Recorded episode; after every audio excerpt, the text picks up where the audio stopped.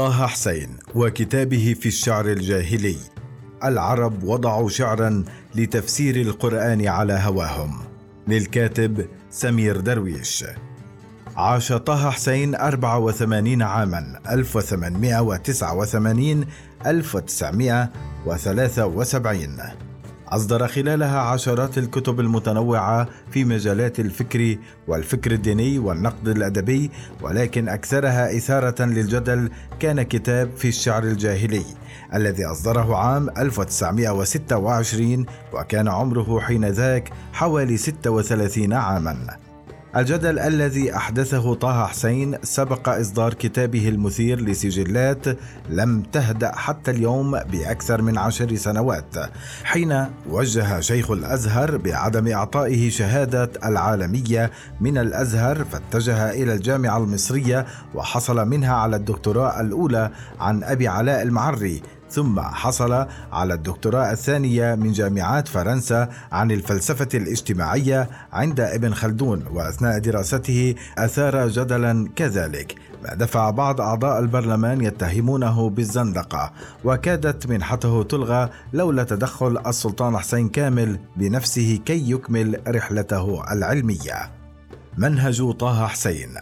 إذا تجاوز الباحث كتاب طه حسين في الشعر الجاهلي وأراد تتبع أثر كتاباته في الفكر الديني عموما سيجد أن تدرج من منهج تغليب روايات تراثية على أخرى مستندا إلى ما ورد في كتب التراث حول الحادثة الواحدة كما في كتابه الشيخان عن أبي بكر الصديق وعمر بن الخطاب وكتابيه المرجعية عن الفتنة الكبرى عثمان وعلي وبنوه إلى أن وصل إلى قناعة فحوها أن عامة المسلمين يقتنعون بما ورد في كتاب التراث من سير وأحاديث مع ما فيه من شطط وأنباء غير معقولة تجافي العقل فقرر أن يتعامل مع كتاب السيرة النبوية لابن هاشم وهو كتاب ابن إسحاق في الأصل باعتباره ملحمة عربية وأن يكتب عملا ادبيا مستفيدا منه فكان كتابه على هامش السيرة.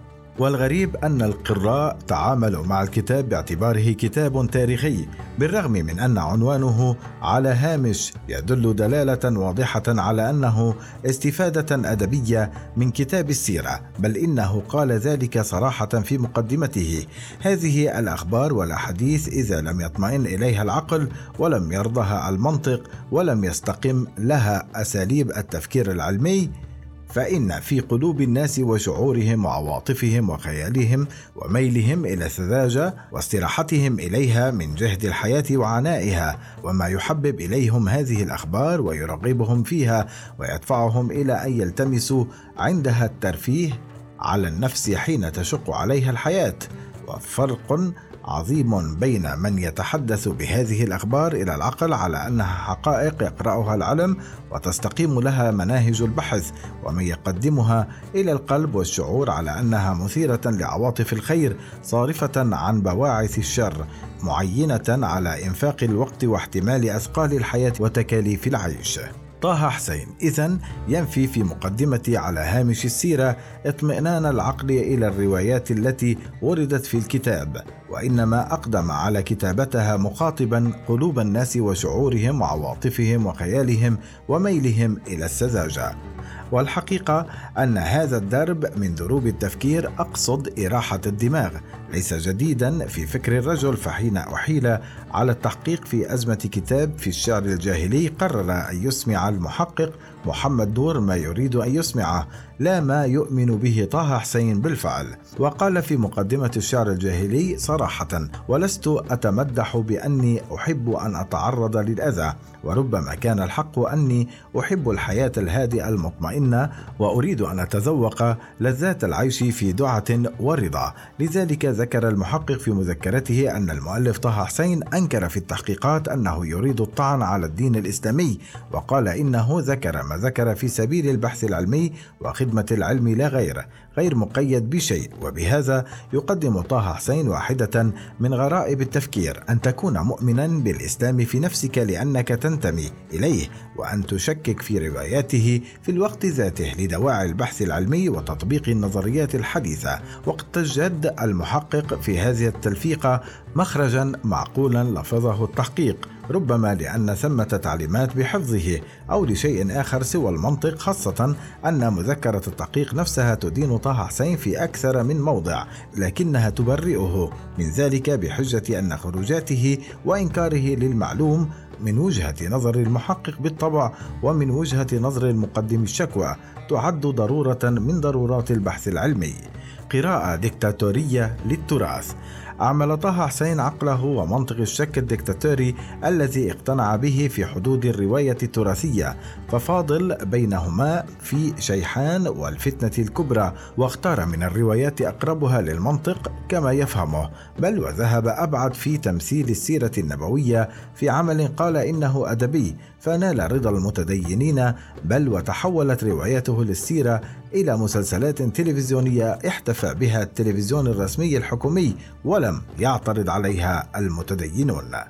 طه حسين لم يكن المفكر الوحيد الذي كتب في الشأن الإسلامي رغم أنه أزهري في الأساس وإنما فعل ذلك عدد كبير من الأدباء والمثقفين في عشرينيات وثلاثينيات وأربعينيات القرن العشرين مثل حياة محمد لمحمد حسين هيكل وعبقريات العقاد وبعض هذه الكتابات لم تخلو من مراجعات فكرية وإعمال العقل في بعض الروايات التراثية ورفض قبول بعضها لأنه يجافي المنطق ويخاصم العقل السوي إذا لماذا وضع الإسلاميون العاملون في الشأن الإسلامي من أزهريين وغيرهم طه حسين على رأس قائمة أعداء الإسلام إلى درجة اتهامه بالزندقة والكفر. الإجابة هذا السؤال تنبع أساسا من كون طه حسين أزهريا أي يقف على الأرضية نفسها التي يقف عليها مدعو امتلاك العلم كما أنه أثار مشكلات كثيرة علمية وشخصية. أيام دراسته في الأزهر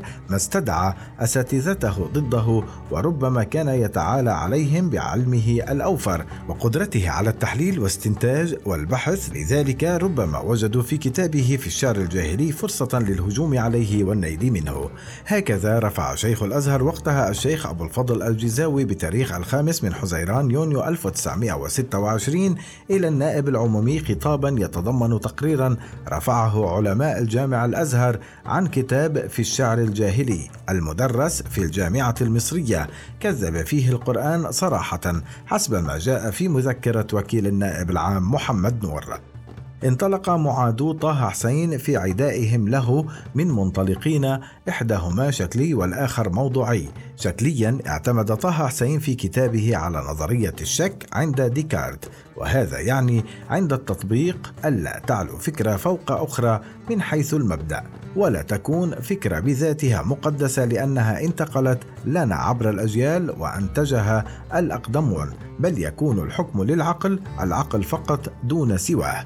فقد قال في مقدمة الكتاب وليس حظا هذا المذهب منتهيا عند هذا الحد بل هو يجاوزه إلى حدود أخرى أبعد منه مدى وأعظم اثرا فهم قد ينتهون إلى تغيير التاريخ أو ما اتفق الناس على أنه تاريخ وهم قد ينتهون إلى الشك في أشياء لم يكن يباح الشك فيها وهم بين اثنين. إما أن يشحدوا أنفسهم ويشحدوا العلم وحقوقه فيريحوا ويستريحوا وإما أن يعرفوا لأنفسهم حقا ويؤدوا للعلم واجبه فيتعرضوا لما ينبغي أن يتعرض له العلماء من الأذى ويحتمل ما ينبغي أن يتعرض له العلماء من سخط الساخطين. مبدأ الشك في الراسخ هذا. ونزغ القداسة عن المقدس. ما كان ليعجب أساتذة مادة الدين في الأزهر وفي غيره ممن سلموا بالمستقر وآمنوا به واعتقدوا اعتقادا جازما بفضل الأولين وعلوهم. وبتفوقهم على المتأخرين لأنه أتيحت لهم ميزة لم تتيح لغيرهم وهي قربهم من عصر النبي والصحابة وبالتالي توفرت لهم من الأخبار والحكايات ما لم يتوفر للمتأخرين. أما من حيث الموضوع فالأمر لا يقل خطورة فالشك في الشعر الجاهلي لا يقف عند نفي أن هذا الشاعر قال هذا الشعر الذي ينسب إليه أو لم يقله. فلو توقف الأمر عند ذلك لكان هينا ولكن طه حسين أراد ما هو أبعد وأعمق وهو الشك في تفسيرات القرآن التي اعتمدت على الشعر الجاهلي. من حيث معاني المفردات فالعرب لجأوا إلى الشعر لتفسير ما غمض عليهم من كلمات القرآن التي لم تكن معروفة لهم. وإذ بطه حسين يأتي في كتابه ليقول إن هذا الشعر لم يسبق نزول القرآن بل تلاه وبالتالي لا يعد مفسرا له. فلا نفسر القرآن بالشعر بل نفسر الشعر بالقرآن الذي هو أكثر تعبيرا عن حياة العرب في تلك المنطقة وهي ذلك الزمن. يقول في مقدمة كتابه: فسينتهي بنا هذا البحث إلى أن هذا الشعر الذي ينسب إلى امرئ القيس أو إلى الأعشي أو إلى غيرهما من الشعراء الجاهليين لا يمكن من الوجهة اللغوية والفنية أن يكون لهؤلاء الشعراء ولا أن يكون قد قيل وأذيع قبل أن يظهر القرآن نعم وسينتهي بنا هذا المبحث إلى نتيجة غريبة وهي أنه لا ينبغي أن يستشهد بهذا الشعر على تفسير القرآن وتأويل الحديث وإنما ينبغي أن يستشهد بالقرآن والحديث على تفسير هذا الشعر وتأويله. أريد أن أقول إن هذه الأشعار لا تثبت شيئا ولا تدل على شيء ولا ينبغي أن تتخذ وسيلة إلى ما اتخذت إليه من علم القرآن والحديث. فهي إنما تكلفت واخترعت اختراعا ليستشهد بها العلماء على ما كانوا يريدون أن يستشهدوا عليه. يبين هذا لماذا ثارت ثائره الإسلاميين ضد طه حسين وكتابه ليس لأنه أراد أن يعمل عقله في التراث المنقول كما فعل في الشيخان والفتنة الكبرى وكما فعل بعض معاصريه في كتبهم التي ناقشت الفكر الإسلامي والتراث والسيرة النبوية بل لأنه نسف إلى حد بعيد قسما كبيرا من كتابات المفسرين القدماء بل واتهمهم بانتحال الشعر ونسبه إلى الشعراء الجاهليين كي يمرروا تفسيرات تناسب هواهم للنصوص المقدسة من قرآن وسنة نبوية. ومن شأن هذا الرأي بالقطع أن يثير الناقلين الذين استراحوا إلى المنقول وحفظوه وأعملوا جهودهم في توصيله إلى الأجيال التالية. هؤلاء الذين توقع طه حسين نفسه أن كتابه سيستفزهم.